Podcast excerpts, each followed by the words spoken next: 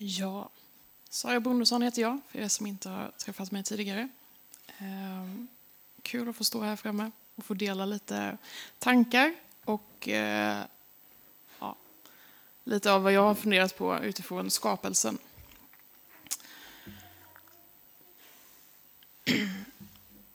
Och det eh, första tanken var, ja men kan det vara så att Gud vill utmana dig idag att tänka på ett nytt sätt om hur vi tar hand om vår skapelse, hur vi vårdar den. Kanske genom det som sades igår, eh, eller någonting av det Johanna och Thomas sa tidigare. Jag tänker vi tar och ber eh, tillsammans. Jesus, tack för att du är här. Tack för att du är med oss i allt vi gör. Herre, jag lägger den här stunden i dina händer. Jag ber att du ska tala till oss. I Jesu namn. Amen. I första Mosebok så får vi en underbart vacker beskrivning av hur Gud skapar himmel och jord. Hav, natur, växtlighet och djur. Därefter skapar han kronat på verket, människorna. Och det blir satta att råda över jorden. Och på många sätt är det här en mäktig berättelse om hur Gud har omsorg om det han skapar för människan, för djuren. Och allt detta kommer ifrån Gud. Gud skapade världen och allt och han älskar allt i skapelsen. Skapelsen handlar inte bara om dig och mig som människor. Det handlar om hela skapelsen. Och jag tänker när jag satt ner och skulle förbereda det här så bara, men det är ofta vi landar i vad kan vi göra? Det är vi, vi, vi, människa, människa. Eh, min känsla i alla fall. Eh, och det är oftast vi som gör att det sker klimatförändringar. Eh, men att vi måste tänka bredare också. Att det handlar inte bara om, om människor, utan det handlar om hela skapelsen. Eh, från minsta organism till den största blåvalen, eller vad det nu är som är störst. Eh, och att det liksom påverkar både flora och fauna och den biologiska mångfalden. Och jag tänker tillbaka på bara den senaste månaden, om vi tänker sommaren som har gått. Vi har haft bränder, vi har haft översvämningar, vi har haft torka och så vidare. Jag tror att ni kan komma på ganska många fler saker. Men Gud har ju satt människor, oss människor till att förvalta jorden, skapelsen.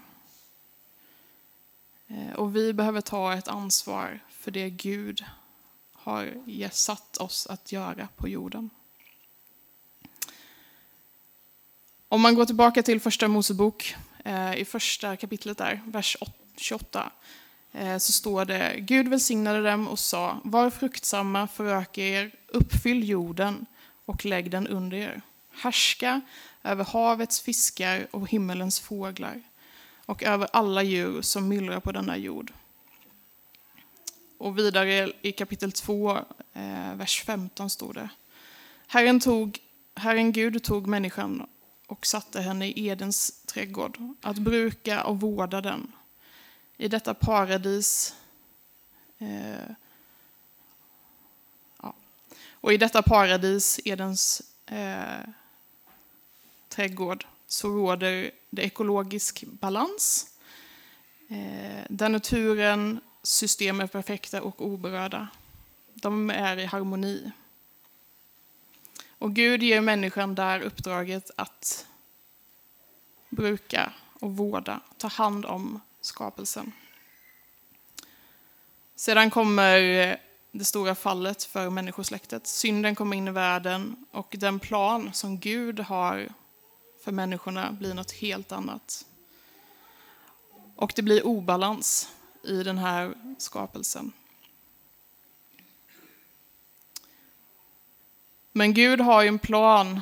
Han har en, att återupprätta sin skapelse. Och han har inte övergivit oss. Eh, och han har definitivt inte skickat oss mot vår undergång. Eh, I Nya Testamentet så står det också att Gud, så älskar Gud världen att han gav sin enda son för att den som tror på honom inte ska förgås utan leva i evighet. Gud älskar hela vår värld, hela skapelsen ligger på hans hjärta. Och låt honom idag få lägga det på ditt hjärta. Vi har pratat lite om förvalt, kanske inte just förvaltningsskap, men att vi har satta, blivit satta här att förvalta. Eh, och det är ett jättestort uppdrag som vi har fått. Eh, och jag känner att jag, jag kan känna den här hopplösheten som Stina pratade om. Att bara, oh, men vad kan jag göra, den här lilla, lilla människan på jorden? Vad händer om, det spelar väl ingen roll om jag gör det här eller inte här. Eh, för det blir bara en droppe i havet liksom. Ehm, men att vi på, tillsammans som församling kan få bidra och kan få göra någonting positivt, kanske för Gotland. Ehm, I det, det sammanhanget där vi finns, på den platsen där vi bor.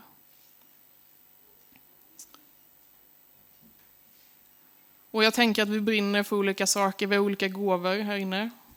Ehm, Stina är duktig på en sak, Johanna är duktig på en annan sak. Ja, Thomas har en annan gåva. Och tillsammans i det här får vi jobba. Eh, och Gud har lagt de här gåvorna i våra liv för att vi ska kunna använda dem och förvalta dem på bästa sätt. Och det här vill jag inte ska landa som ett tungt ok och jag tror inte att det är Guds eh, tanke heller med det. Att bara, ja, här kommer det och bara tynger ner oss. Utan att vi tillsammans får jobba för att det ska få bli en bättre värld, en bättre skapelse för våra nära och kära och de som kommer leva efter oss. Och en tanke som slog mig var att ja, men det finns ett bibelord i Filipperbrevet som säger att låt Gud få veta alla era önskningar.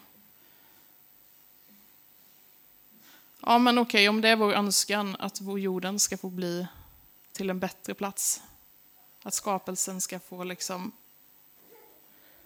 ja, få gå tillbaka åt det hållet den ska. Men be Gud om hjälp då. Eh, använd bönen.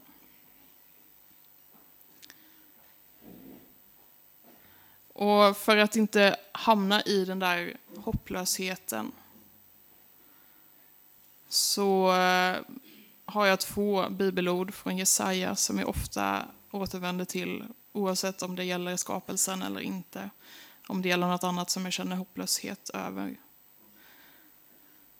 Nu står det i Jesaja 41. Var inte rädd, jag är med dig. Ängslas inte, jag är din Gud. Jag ger dig styrka och hjälper dig, stöder och räddar dig med min hand. Ty jag är Herren din Gud. Jag tar dig vid handen och säger till dig, var inte rädd, jag hjälper dig.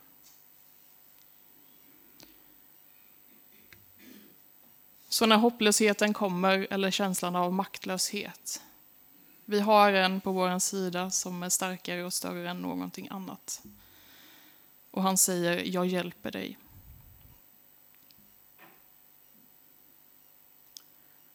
Till slut vill jag bara återkomma till frågan jag ställde i början.